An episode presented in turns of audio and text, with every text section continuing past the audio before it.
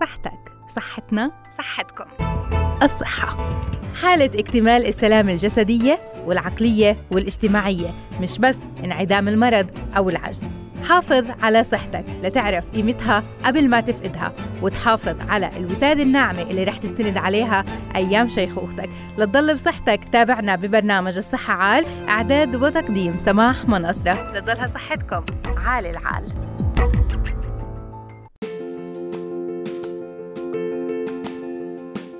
أسعد الله أوقاتكم بكل الخير والسعادة. هلا فيكم مستمعينا عبر موجة علم وحلقة جديدة من برنامج الصحة على تضلكم بخير وبعافية. تابعونا اليوم بمواضيعنا المختلفة. نتعرض لكثير من الأمراض الأعراض وأيضا أساليب العلاج والوقاية من آه، هاي الأمراض وأيضا أخبار صحية من العالم. من المواضيع اللي رح نطرحها لليوم ألم الركبة اللي ممكن يجي بتدرجات مختلفة. ممكن يكون هذا الألم طفيف تشعر فيه فقط عند ممارسة الحركة. ممكن هذا الألم الألم يكون حاد يمنعك من التحرك أساسا. في كلتا الحالتين لازم تكتشفوا آلام الركبة شو الأسباب اللي بتأدي لإلها ومعالجتها قبل تدهور الحالة للأسوأ. رح نطرح موضوعنا هذا بالإضافة لموضوع آخر عن قلة النوم لدى طلاب المدارس. هاي مشكلة بتعاني منها الأمهات خصوصا مع بداية العام الدراسي. يعني بيكون الطفل اعتاد مثلا خلال العطلة المدرسية إنه ينام آه وقت ما بده لكن هلأ مفترض عليه ينام بساعة محددة. ممكن إنه ما ياخذ قسط كافي من النوم وهذا اللي بيؤدي فيه لمشاكل صحية ومشاكل مشاكل نفسية بعد ما وجدت دراسة أنه الطفل اللي ما بينعم بقسط كافي من النوم غالبا ما بيعاني من مشاكل صحية جسدية ونفسية بالإضافة لارتفاع خطر التعرض لحوادث السير وتراجع كمان في الأداء التعليمي. رح نطرح كل هاي المواضيع بالإضافة للمواضيع الثانية. هندسة إذاعية لمعاذ كونين مساء الخير وتنسيق والمتابعة لخلد النصار وحافظ تلاحمة متابعة البرامج عرين أبو شرار ومعكم بالإعداد والتقديم أنا سماح مناصرة. يسعد مساكم. مستمعينا ممكن تشعروا بين الحين والآخر بألم في منطقة الركبة. ما في قلق. هاي شريحة كبيرة من الناس اللي ممكن تعاني منه حول العالم. بفيد الأطباء لأنه هذا النوع من الألم هو ما بين الأكثر شيوعا فيما يتعلق بالمفاصل وصحتها. ممكن يجي ألم الركبة بدرجات مختلفة. ممكن يكثر عند النساء. ممكن أنه هذا الألم يكون طفيف تشعر فيه فقط عند ممارسة الحركة أو ممكن يكون حاد يمنعك من الحركة أساسا. لازم نكتشف الأسباب الفعلية ومعالجتها قبل ما تدهور الحالة للأسوأ. نناقش موضوعنا مع آه، الدكتور عفيف قنيبي طبيب العظام. أهلا وسهلا فيك دكتور عفيف عبر أثير راديو علم. أهلا وسهلا فيك وبالمستمعين المستمعين الكرام. أهلا وسهلا بحضرتك. اليوم بنحكي ببرنامج الصحة عال عن ألم الركبة. خلينا بالبداية نوضح آه، وين بيكون الألم بالإضافة للأسباب اللي بتؤدي له نعم بالنسبة لالام الركبة متعددة وخاصة بالنسبة للأعمار المختلفة. الآن من عمر لعمر هذا الكلام بخليني كطبيب أخصائي جراحه عظام إني أقيم المريض بشكل مختلف وتشخيص مختلف نهائيا. بالنسبة للأعمار اللي بتتراوح بين ال 20 فما فوق لل 40 سنة أو أقل شوية اللي هي ال adult بنسميهم إحنا هذول بيكون في عندهم إشكاليات أحيانا بنسميها plica syndrome أغشية داخلية داخل المفصل الركبة بتسوي تهيجات وآلام آه، كثيرة أحيانا مع تورمات في مفصل الركبة. بحد من حركتها. آه، بالنسبة للأعمار الأكبر شوية بين 45 لما فوق ممكن تكون هناك بدايات للتنكسات الغضروفية osteoarthrosis آه، بنتج عنها خشونة ونقص في زيت المفصل بنسميه إحنا بشكل أو بآخر حتى نشرح للمريض بالتفصيل. آه، أحيانا كبداية بيكون بدأ هذا الألم في طلوع الأدراج أو نزولها. آه، من خلال زيادة خشونة مفصل عظمة الصابونة. ومن ثم بينتشر أحيانا في كل المفصل من درجة خفيفة أحيانا متوسطة أحيانا آه، بتكون متقدمة جدا لما يكون عندنا في حالات الخفيفة والمتوسطة لها علاج. لما تكون متقدمة جدا إذا لابد من العلاج الجذري اللي هو قضية تغيير المفصل. تمام. هلأ في بعض الناس اللي بيحكوا لأ إنه هاي الحالة بتنتشر عند النساء أكثر من الرجال. هل هذا الحكي صحيح؟ شو بكون السبب؟ آه، بالنسبة للتهيج بالنسبة للأعمار السابقة اللي أنا ذكرتها بتكون تقريبا متساوية بين الرجال والنساء. بالنسبة للأعمار الأخرى بسبب زيادة الوزن أحيانا ممكن إحنا بنلاحظ إنه زيادة الوزن عند النساء أكثر. هذا بنلاقي أكثر شيوعا إنه عند النساء لأنه العامل ميكانيكي أكثر من أي عامل آخر اللي هي خشونة آه، العظام. آه، في أحيانا برضه قضية اللي هي الكولاجين والغضاريف بالنسبة للنساء أطرى بشكل أو بآخر. بنلاقي عندهم اللي هي التهيجات الوترية تندينايتس بالنسبة للاوتار الأمامية للركبة أو في عملية عدم مرور الصابونة عظمة الصابونة في المجرى السليم إلها عند النساء.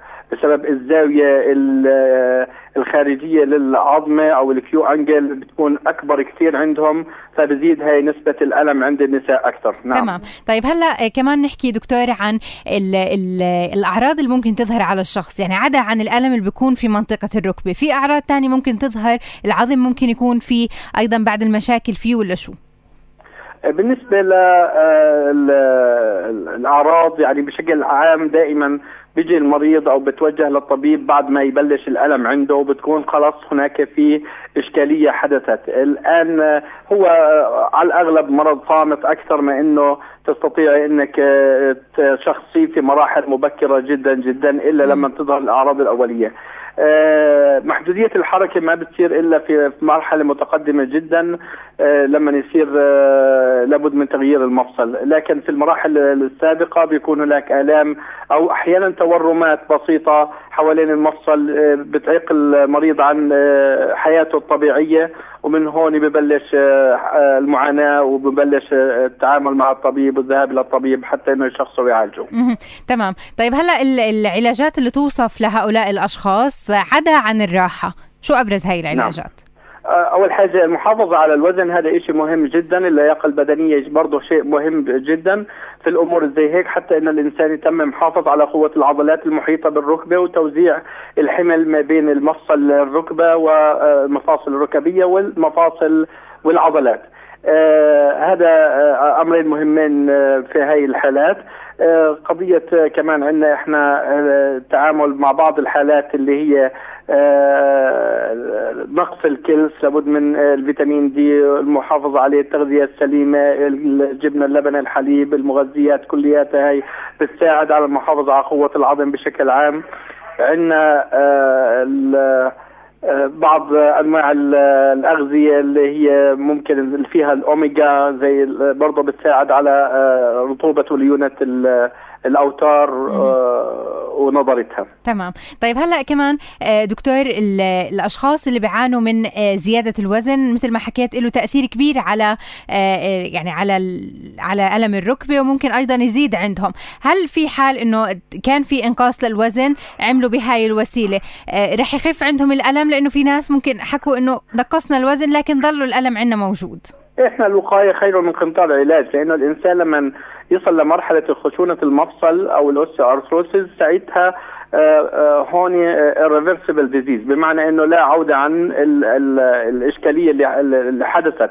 ولكن آه، الوقاية هي بالمحافظة على الوزن اللي هو ال ideal اللي ممكن إنه ما يأثر على المفاصل في بشكل أو بآخر في المستقبل. بالرغم من ذلك لو حدث هذا الأمر في مرحلة مبكرة في بعض الأدوية اللي ممكن إن نعطيها اللي عليها دراسات الآن العالمية اللي بتقوم على آه، إعادة re application لل joint هذا كارتيلاج وبتحافظ عليه وبتعاود تعيد له نضرته بشكل أو بآخر مش من نفس النضره السابقة ولكن آه، بيكون يعني الإنسان يستطيع إنه يتعامل بحياته بشكل أفضل. تمام، طيب هون دكتور أيضا الجلوس لأوقات طويلة خصوصا للموظفين والموظفات ممكن أيضا تكون من الوسائل اللي أدت فيهم لألم الركبة انهم مثلا بجلسوا لفترة طويلة وهذا اللي ممكن أيضا يسمح للاوتار إنها تتمدد وبزيد أيضا الضغط على الغضروف.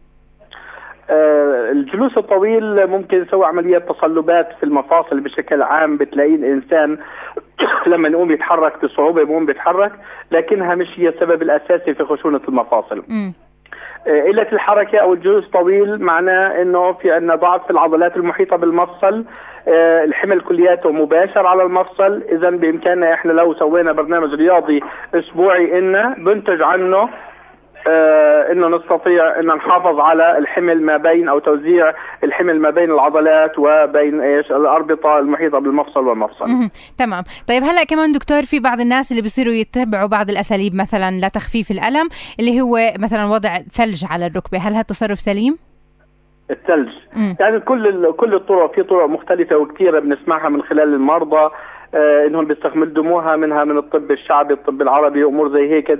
إحنا عادة يعني لدرجة في منهم بنحطوا سنام الجمل بحطوا الثلج بحطوا آه الملفوف بحطوا أمور زي هيك. كلياتها مسكنات تمام لكن الالام لكنها غير معالجة وإنما مسكنات خلينا نسميها طبيعيه لكن إحنا دراسات حكينا آه، يعني حكينا عن أساليب ممكن تخففوا منها الألم بشكل جذري. بدي اتشكرك الدكتور عفيف قنيبي طبيب العظام لوقتك اللي خصصته لبرنامجنا الفاصل ورح نرجع ابقوا معنا.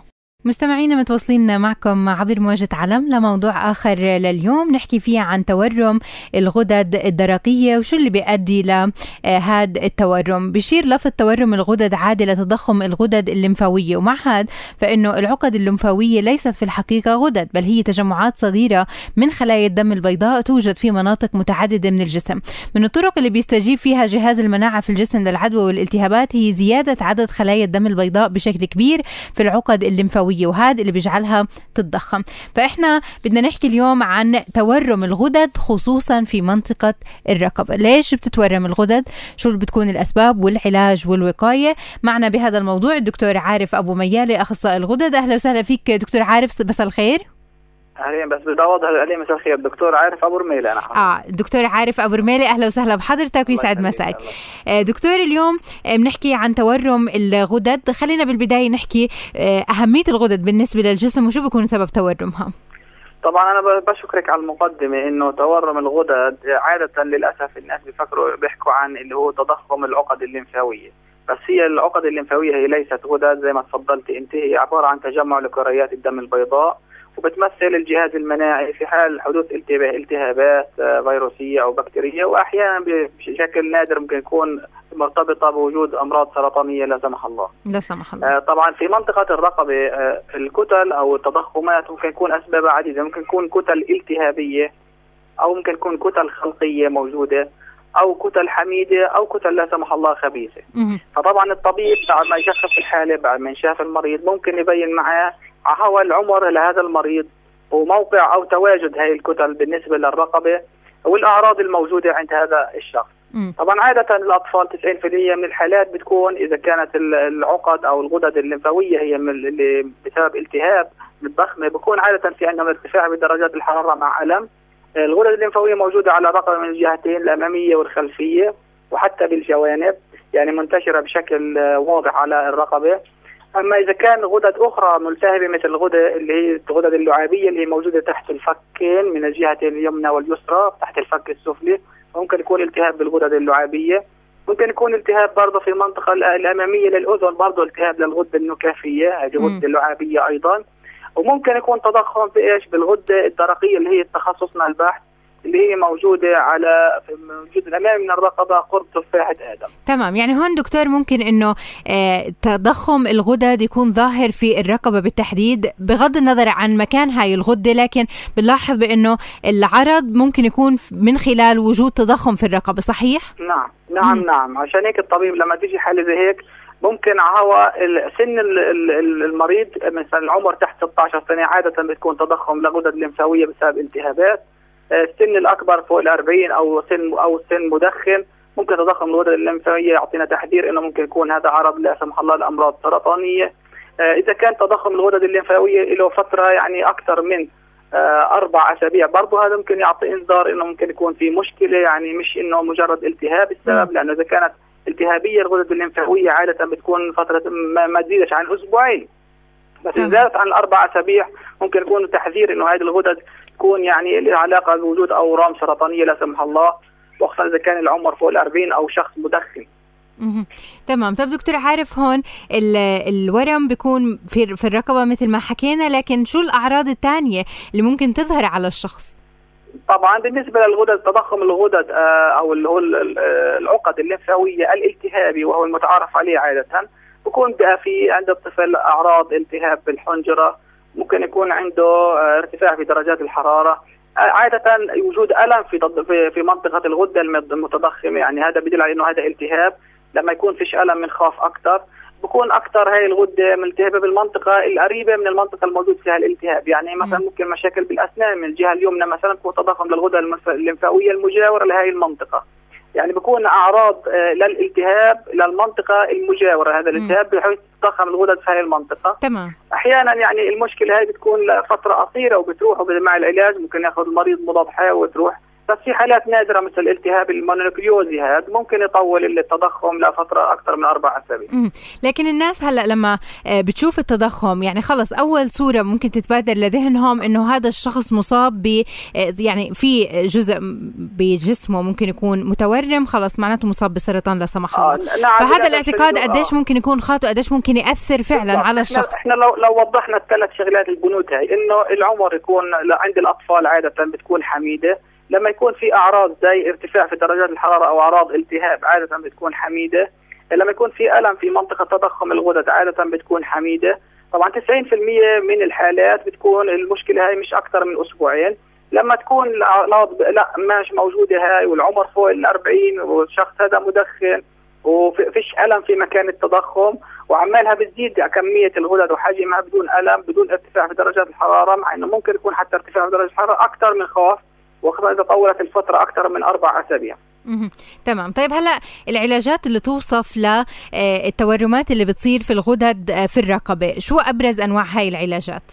بالنسبة للعقد الليمفاوية عادة إذا كانت التهابيه إذا كانت سبب بكتيريا الطفل ممكن يأخذ مضاد حيوي بوصفه من طبيب إذا كان التهاب بالغدد اللعابية عادة ممكن يأخذ المضاد الحيوي. إذا كانت بكتيريا أو إجراء جراحي إذا لا سمح الله كان في تطور بالالتهاب. بالنسبة للغدة الدرقية آه، على هواء التشخيص يعني ممكن يكون تضخم سببه كسل في الغدة الدرقية ما فيش داعي لأي إجراء لا جراحي ولا إعطاء علاج إلا التعويض عن هذا الكسل بهرمون الثيروكسين ممكن يكون في تضخمات على شكل نتوءات بالغدة الدرقية برضه ممكن الطبيب يلجأ للخزعة أو الوخزة لتشخيص النسيج اللي ممكن يكون بعدها في إجراء جراحي أو علاجي بالأدوية. تمام. دكتور عارف هلا في بعض السيدات اللي بتواصلوا معنا بيحكوا لنا بإنه آه هذا الأمر ممكن يكون آه بيأثر على الحمل والإنجاب عند النساء. هل هذا الحكي صحيح أو لا؟ هلا في بعض الأمراض ممكن صح تسوي تضخم عند النساء بالحمل في الغده الليمفاويه بس طبعا أنا بنصح النساء الحاله تلجا لطبيبها النسائي ممكن هو يحولها للطبيب الاخصائي بالموضوع تمام. لكن إنه ما في تخوف من هذا الأمر.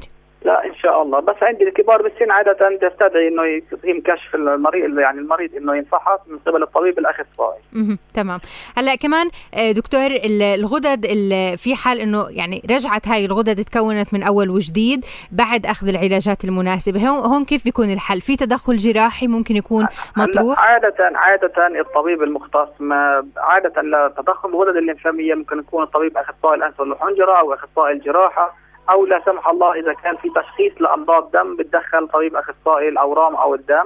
بس في حال وجود كتل وكانت هذه الكتل مشبوهة ممكن المريض أو ينصح إنه بإجراء صورة طبقية أو صورة مقطعية للرقبة. لأنه يعني ممكن تكون الغدد هاي انتشار لمرض معين في مناطق الرقبة أو الصدر. آه، أحيانا يتم إجراء اللي هو إجراء عينة أو أخذ خزعة من هذه الغدة المتضخمة أو الدرع المتضخمة عشان يبين شو نوع النسيج اللي كان مسبب. طبعا في الحالات المتقدمة لما يكون المريض ظهر إنه مش السبب التهاب تمام. طيب هلأ آه، التأثير يعني قديش لازم تكون هاي العملية دقيقة جدا في حال إجراء بعض العمليات الجراحية في منطقة الرقبة بالتحديد؟ لأنه ممكن يتأثر الصوت ممكن تتأثر الحنجرة ممكن أيضا أعضاء كثيره تتأثر آه، بجسم الإنسان لأنه العملية في في مكان حساس. هلأ هي المناطق للأسف منطقة الرقبة زي ما تفضلت هي منطقة حساسة. من المضاعفات ولكن أكثر شيوعا هي مشاكل الغده الدرقيه بعد العملية. لأنه ممكن يكون في مشاكل إنه إصابة بالأحبال الصوتية لا سمح الله. آه، ممكن إنه يصير عند المريض هبوطات في الكالسيوم بعد العملية. بالنسبة للغدد الليمفاوية إذا لا ما كان السبب هو ورم سرطاني عادة بيكون استئصال الكتلة سهل يعني ما بتكون محوصلة بحيث إنه تنشال مع الكبسول تاعتها. ما في أي انتشار ولا في أي مشكلة. بس كان تشخيص سبب سرطاني أو أورام سرطانية لا سمح ممكن يكون شوية الأمور معقدة. طبعا الطبيب الجراح بيقدر يتصرف بحسب الحالة. تمام. عندنا إجراء مثل هاي العمليات الجراحية عندنا بفلسطين؟ ما في أي مشكلة زملائنا اخصائيين الانف والحنجره واخصائيين الجراحة بيقدروا يسووا عمليات زي هيك. واخصائيين جراحة الفكين أحيانا ممكن يتدخلوا بحالات زي هيك. تمام. بدي أتشكرك أكيد وبدي أتمنى الصحة والعافية لكل الأشخاص اللي بيعانوا من تورم الغدد آه، في الرقبة. الدكتور عارف أبو رميلة بدي أتشكرك. أخصائي الغدد الصماء يعطيك ألف عافية.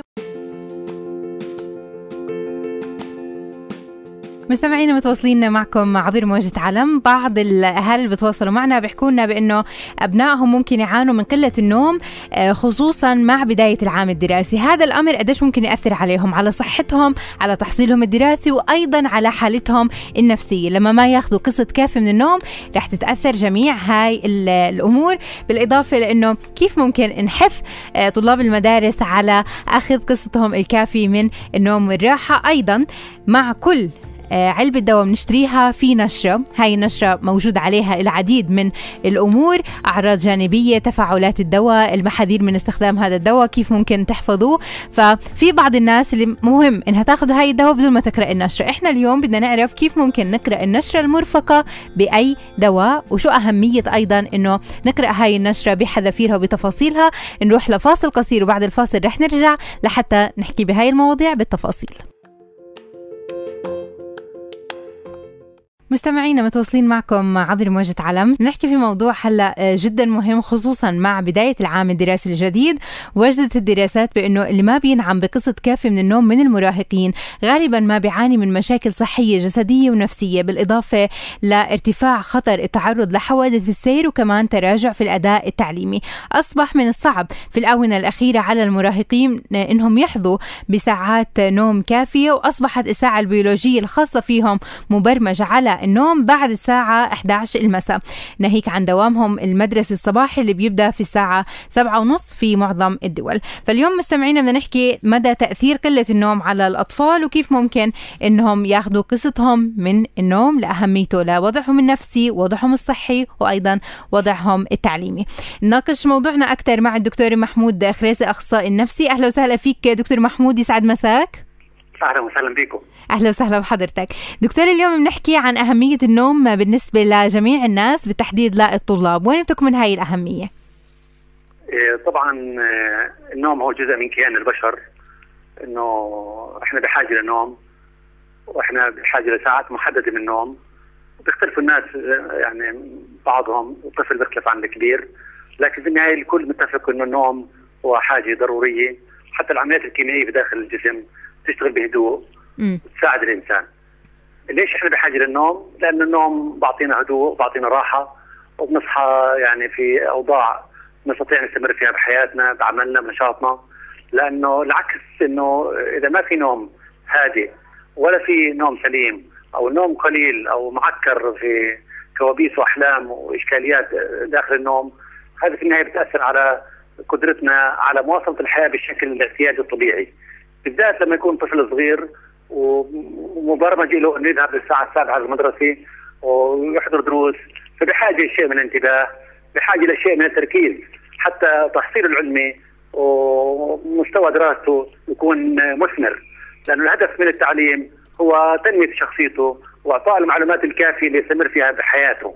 فلما يكون مش عارف يركز آه، باله مشغول آه، هو في حالة يعني ضياع ان صح التعبير لأنه ما هو نايم. طول الليل مثلا هذا الأمر في النهاية بيؤدي إلى تشتيته بيؤدي إلى عدم استيعابه وفي النهاية بيؤدي إلى تحصيل العلمي بتردى لدرجه آه، تصبح منها شكوى.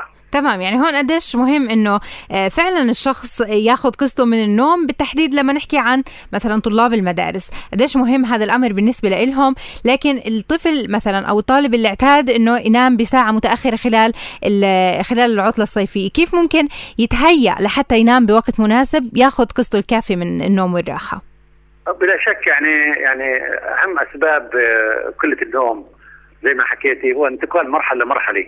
يعني م. زي بدي أنتقل مرحلة كنت هادي اراقب المسلسلات أنام متأخر ما حد يحاسبني بكرة لأن ما عندي مسؤوليات ثاني يوم لا في مدرسي ولا في محل ثاني طبعا الآن أول عائق بيعيقنا في عملية النوم هو موضوع إنه رفض الأولاد للنوم الأولاد بيكبروا ولهم بصير عندهم خصوصيه خاصة فيهم. برفضوا القوانين المترابطه أو القوانين اللي بتلتزم إنه نوم معين في وقت محدد بالذات إنه في مدرسة. فهم يعني الإشكالية الأولى إنه أطفالنا ما بدهم يناموا بهذا الوقت ليش إحنا حاطين لهم إياه؟ ما بده ينام الساعة 10 أو الساعة 8 هو بده ينام الساعة 1 بالليل أو الساعة 12 وطبعا النوم المتأخر بهذا الشكل بلا شك إنه بأثر على تحصيله بيأثر على انتباهه بيأثر على حركته اليومية. يعني أنا بدي اذهب المدرسة بدي أمشي بشارع بدي أركز بدي أنتبه. وكل هالأمور مربوطة ببعضها. تمام. يعني ممكن إنه بعض الطلاب كمان دكتور بس أسفل المقاطعة بعض الطلاب يكرهوا المدرسة لأنهم بيصحوا بوقت هم ما بدهم يصحوا فيه. يعني هاي الاستيقاظ آه، في الصب آه، في الصباح قديش بيخلق عندهم مشكلة حتى بحبهم للمدرسة؟ طبعا أكيد. يعني إحنا هذا تلميذ بدنا ننقله من حال لحال وبدنا نعوده على روتين جديد.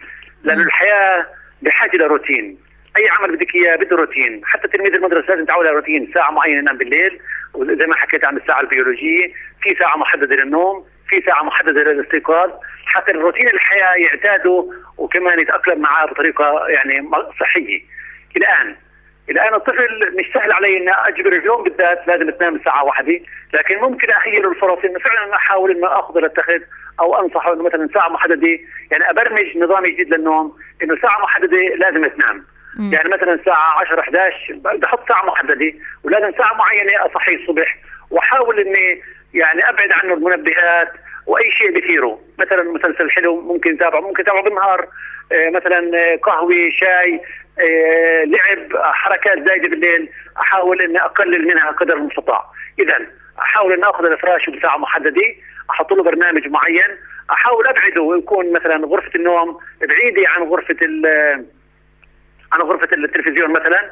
آه، كمان أوجد له جو من الهدوء. أحيانا أطفال صغار في هذه المرحلة لما بدهم مثلا أو الكبار حتى لما بده يتوقع إنه بكرة بده يذهب للمدرسه بتصير بالذات بدايات يكون عنده نوع من القلق والمخاوف. مزبوط فبحاول ممكن اضاعه خفيفة في الدار ممكن موسيقى هذه بس كمان آه، يعني يتبرمج نظام النوم يلبس لبس عادي يعني يعتاد على هذا الأمر. وأيضا في بعض الأمهات اللي بعض الأمهات أو الأباء اللي بيجبروا أطفالهم على إنهم يناموا. يعني مثلا بيدخلوا أطفالهم للغرفة بطفوا الضوء بغطوهم خلص لازم أنت تنام بهذا الوقت. فإجبار الطفل على النوم بساعة محددة. هذا ممكن يخلق عنده توتر أو كره للنوم ما يعرف ينام أصلا؟ لا هو يعني آه، هي مش إجبار هو الطفل عايش في بيئة والبيئة كلها بتحكي عن المدرسة وعن الالتزام بها وعن الدوام الصباحي فالكل بتأثر من المحيط اللي حواليه. فهو الطفل بيعرف إنه عنده مدرسة بكرة. فالآن هو ممكن واحد يقعد معه بهدوء بناقشه بهدوء ونحن نعمل جو هادي في داخل المنزل بدون صراع وبدون قيود شديدة. يعني أنا خوفي الزايد عليه ما ينامش بخليه فعلا ما ينامش في النهاية. الآن الطفل كمان يعني في نقطتين مهمات. إنه هو برفض النوم لاعتبارات معينة لأنه صار له شخصية خاصة فيه، كمان هو الطفل ممكن يعاني من مشاكل تتعلق في النوم، زي ما حكيت بكرة في مدرسة بكون خايف، بكون قلق، ممكن تجي كوابيس، تجي أحلام، آه، في إشكاليات للنوم لبعض الناس مش كل الناس. فهنا دور الأهل يهدوا يطمنوا وبالحسن يتعامل معاه، مش بالقوة ولا بالضرب ولا بالشتائم وكأنه لازم تنام بهالساعه، هنا حيأخذ موقف عدائي من أهله حيأخذ موقف عدائي من المدرسة اللي ارتبط بذهنه بطريقة التعامل في داخل في داخل البيت لموضوع النوم. تمام. أيضا نوعية الأكل ممكن تأثر على آه، إنه الطالب يستقبل أو إنه يعتاد على النوم بوقت محدد أو لا؟ طبعا هو النوع الأكل يعني زي ما بيقولوها طبيعة الأكل بيأثر على النوم.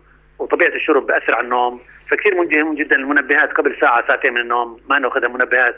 يعني شاي آه، قهوة آه، كولا عصير.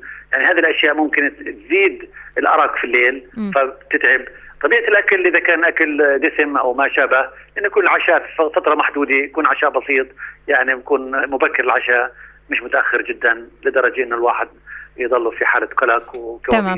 بدي أتشكرك أكيد الدكتور محمود خريسي يعطيك ألف عافية. مستمعينا متواصلين معكم عبر موجة علم رح نروح لفاصل قصير جدا وبعده رح نحكي كيف ممكن نقرأ النشرة المرفقة بأي دواء لأنه في إلها أهمية. في كل مرة بنفتح فيها علبة الدواء بنجد داخلها النشرة المرفقة. إرفاق هاي النشرة مع الدواء هو إجباري من الناحية القانونية في معظم الدول. لكن ما بنتعمق دائما في النشرات المرفقة. فشو هي أهمية قراءة هاي النشرة وكيف ممكن يتم قراءتها؟ رح نقرأ على حضراتكم هذا الموضوع ونشرحه بتفاصيل تفاصيله مع الدكتور محمد جوابري. دكتور صيدلاني وماجستير في تكنولوجيا التصنيع الدوائي لكن فاصل راجعين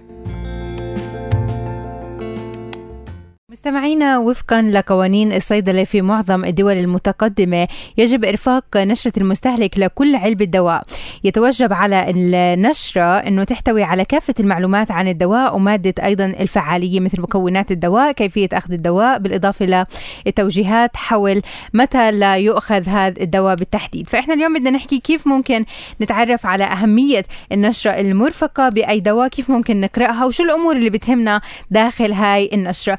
نناقش موضوعنا أكثر مع الدكتور محمد جوابري دكتور الصيدلاني وماجستير في تكنولوجيا التصنيع الدوائي. دكتور محمد أهلا وسهلا فيك يسعد أوقاتك. أهلا وسهلا فيكم يسعد أوقاتكم. أهلا وسهلا بحضرتك.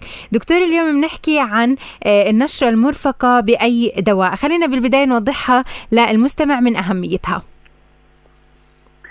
النشرة المرفقة بأي دواء يجب أن تحتوي على اسم الدواء وعلى تركيبة الدواء وعلى المعلومات التي تلزمنا من ضمنها التركيز ومن ضمنها متى لا يجب أن يؤخذ الدواء أو الأعراض الجانبية لهذا الدواء أو الأدوية الأخرى التي يمكن أن يتعارض هذا الدواء معها أو الأمراض التي يمكن أن يتعارض هذا الدواء معها. م. وفي بعض التعليمات التفصيلية إذا كان هذا الدواء مسموح لحالات معينة أو غير مسموح زي الحامل زي المرضع زي الأطفال سن معين وهكذا. تمام. طيب هلا إحنا بنعرف إنه في ناس يعني اللي بتشتري الدواء مش الكل مثلا بيكون آه قارئ مش الكل مثلا بتهمه هاي النشرة. فمثلا كبار السن آه حتى الدواء ما بيعرفوا اسمه ممكن يميزوا الدواء من خلال لونه. فأهمية النشرة للشخص اللي بده يكون متابع لحاله المريض. شوفي هذا الموضوع بنرجع لأصله. ال leaflet موجودة أو الورقة اللي موجودة في داخل الدواء موجودة كنوع من الأمان الإضافي وليست هي الأمان الأول. الأمان الأول هو الطبيب اللي كتب الدواء. زر الأمان الثاني هو الصيدلي اللي بده يصرف هذا الدواء. وبعدين ال leaflet الموجودة في الدواء أو الورقة الموجودة بالدواء. لأنه في مرضى ما بيعرفوا يقرأوا وفي مرضى ما بيقرأوا. يعني يعني هو بيعرف يقرأ لكن هو ما متعود يقرأ الليفلت. هو بثق في الطبيب أو بثق في الصيدلاني بروح بأخذ. فالورقة الموجودة في داخل الدواء هي خلينا نحكي درجة الأمان الثالثة أو نقطة الأمان رقم ثلاثة بالنسبة لأخذ الدواء. فمش بالضرورة أنه يعتمد الطبيب أو يعتمد الصيدلاني على أنه في في الدواء ورقة. هذا شيء خطأ. الورقة هاي موجودة لفائدة المريض مضبوط بس كنقطة أمان ثالثة. تمام. طيب هلا يعني الناس اللي بدهم يقرأوا هاي النشرة شو أبرز الأمور اللي بدهم ينتبهوا لإلها؟ لأنه في ناس ما معها الوقت الكافي مثلا إنه تقرأ كل النشرة أو ما بتهمها كل النشرة فشو أبرز هاي الأمور اللي يركزوا عليها هاي ال هاي ال هذا الموضوع هو السؤال المهم م. النشرة النشرات التفصيلية للأدوية العالمية بتحتوي على يعني على مجموعة كبيرة من المعلومات وهي المعلومات ممكن تفيد الطبيب ممكن تفيد الصيدلي ممكن تفيد المريض. تمام. المريض إيش لازم يقرأ من هاي النشرة؟ لازم يقرأ ما يخصه. يعني مثلا إذا كانت واحدة حامل أول شيء بدها تقرأ بتقرأ إنه هل هذا الدواء مسموح للحامل أو لا؟ م. حدا معاه ضغط مثلا بقرأ مثلا هل هذا الدواء مسموح للي معاهم ضغط أو لا؟ حدا معاه قرحة معدة بقرأ. فأهم شيء في موضوع الدواء هو الأعراض الجانبية وبيجي قبل الأعراض الجانبية اللي هو لإيش يستخدم هذا الدواء. تمام. يعني هون كل شخص بده ينتبه مثل ما تفضلت للأمور اللي آه، بتهمه. لكن مثلا في أمور تانية مثلا تفاعلات ما بين الأدوية. أيضا هذا الموضوع ما لازم يكون في عنه أنا يعني نرجع آه، إنه يعدي نرجع للسؤال الأول. م. نرجع للنقطة الأولى اللي هو الأمور اللي بتهمه. مثلا في عندنا مريض ضغط مثلا. بياخذ أدوية ضغط طبعا بقرأ إنه التفاعلات بين الأدوية يعني شو بيركز بيركز في القراءة على أدوية الضغط. إنه هل في تعارض بين هذا الدواء وأدوية الضغط؟ م. من هاي الناحية يعني. تمام. طيب أيضا الأشخاص الآخرين مثلا يعني شخص مثلا ماخذ دواء آه، لنوع معين من الالتهابات مثلا في الأمعاء. هذا الأمر قديش مهم؟ وماخذ دواء آخر مثلا ل آه، عنده التهابات بالمفاصل. فهون تعارضات الأدوية وتفاعلات فيما بينها ممكن ما يكون خبر الطبيب فيها لكن هو ممكن يكون طبيب نفسه من خلال قراءة هاي النشرة. أول شيء في هاي الناحية أول شيء الطبيب ممكن يستفيد. يعني قد تغيب قد تغيب المعلومة عن الطبيب أو الصيدلي في مرحلة معينة. فهو بيرجع أحيانا الطبيب أو الصيدلي بيرجع للورقة الموجودة في الدواء إنه يعرف إنه هذا الدواء بتعارض مع هذا الدواء ولا لا. بس في نقطة مهمة جدا اللي هو موضوع الأسئلة للمريض. يعني أنا لما بدي أعطي دواء للمريض أو الطبيب بده يعطي دواء للمريض لازم يسأله. يسالوا عن العمر إذا كانت ست. متزوجة يسألها إنه في حمل في رضاعة يسأل بتأخذ أدوية أخرى.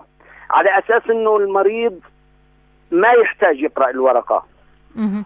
لكن لو ما كانتش هاي المعلومات كافية بيرجع المريض للورقة. زي ما حكيت لك بيقرأ في الورقة ما يهمه من من المعلومات لأنه في عندنا اليوم الأدوية بعض الشركات العالمية لما بترجع إلى الورقة اللي جواها هو ما يقارب 30 صفحة. يعني بتكون ورقة كبيرة بتنفتح مكتوبة على الج- م- مكتوبة على الجنبين.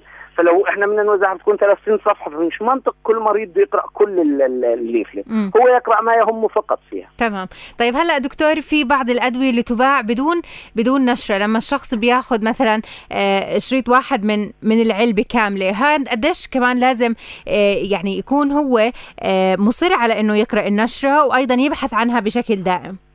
الأدوية اللي بتنباع بدون روشته نوعين. النوع الأول هو الدواء اللي يكرر. يعني في مريض معين بياخذ مثلا شريط دواء كل 10 أيام فهو بكون هذا الدواء قارئ عنه already ما في لزوم كل مرة يقرأ عنه. مم. والنوع الثاني هي أدوية ال over the counter اللي هي الأدوية التي تباع بدون وصفة. وهي مسموح للصيدلي انه يصرفها بدون وصفة. هاي الأدوية عادة بتكون أدوية بدون أعراض جانبية أو بأعراض جانبية قليلة. وبتكون بسبب إنها متواجدة بكثرة وبتنصرف بكثرة بتكون المعلومات عنها موجودة عند الصيدلي وموجودة عند الطبيب فهو ممكن يسأل أي حدا. هذا رقم واحد. رقم اثنين هو ممكن يطلب الليفلت. يعني ممكن صحيح هو ماخذ شريط. يعني في ناس مم. مثلا بتوجه باخذ الشريط بس بطلب ورقة الدواء وما في مانع يعني. تمام. لكن إذا ما وجدها لازم يبحث عنها. لازم يبحث عنها. مم. واليوم تعرف إن النت موجود في كل بيت. يعني أي دواء بمجرد أنت ما تحط اسمه بيجيك صفحات لا منتهية من المعلومات عنه يعني أنا بتذكر مرة فتحت نشرة دواء آه، لوالدتي فإنه كانت فعلا هاي النشرة كبيرة جدا. فأنا استغربت إنه مثلا الشخص بده يقرأ كل شيء موجود بالنشرة يعني ما هو اليوم كيف؟ اليوم في توجه عند الشركات العالمية إنه لازم نكتب كل شيء على أساس نطلع من المسؤولية القانونية فيما بعد. يعني أنا لما بكتب كل شيء على الدواء بكتب الجرعة وبكتب الأعراض الجانبية وبكتب الأدوية اللي تتعارض معها. معناته لو صار أي ضرر مستقبلا أنا بتحملش وبقعش تحت طائرة المسؤولية لأنه أنا حاكي للطبيب وحاكي للصيدلي وحاكي للمريض من خلال الورقه اللي في الدواء كل شيء. فبالتالي بقعش تحت طائرة القانونيه فبدخل هنا عندنا المحور القانوني للمسألة إنه الشركات بتكتب ليفلت كثيره تمام. وفي مسألة بتفيدنا هاي الورقة في إيش؟ الأوراق اللي بتكون في الدواء. إنه لو واحد أخذ دواء وهو مثلا مركن على الطبيب أو مركن على الصيدلي في موضوع الأعراض الجانبية أو ما يخصه وظهر معاه عرض جانبي معين أو أحس بإحساس معين سلبي فبالتالي بيرجع لهاي ال leaflet بيرجع لهاي الورقة بيقرأ فيها إنه هل المشكلة من هذا الدواء ولا مش من هذا الدواء. فكمان هاي فائدة مهمة لهذه الأوراق. تمام. يعني فائدة مهمة لقراءة آه، النشرة المرفقة مع أي دواء. آه، إن شاء الله بكون المستمع اقتنع بهاي الأهمية. كل الشكر لحضرتك الدكتور محمد جوابري الدكتور الصيدلاني وماجستير في تكنولوجيا التصنيع الدوائي. يعطيك ألف عافية. شكر لكل الضيوف اللي كانوا معي بهالحلقة. يعطيك العافية دكتور. شكرا. آه، دكتور محمود خريسي والدكتور عارف أبو رميلة والدكتور عفيف قنيبي. شكرا لكم جميعا. وأحلى تحية لكم أحلى مستمعين عبر موجة علم. أي موضوع حابين تطرحوه على طاولة برنامجنا تحيات فريق العمل لكم هندسة إذاعية وإخراج إذاعي. كان معي بداية معاذ كوانين وبعدين تامر الكركي. شكرا لكم تنسيق والمتابعة حافظ تلاحمق متابعة البرامج عرين أبو شرار. شكرا لكم جميعا. وأتقبل تحياتي. رفقتكم بالإعداد والتقديم لرأي الميكروفون سماح مناصرة. في أمان الله.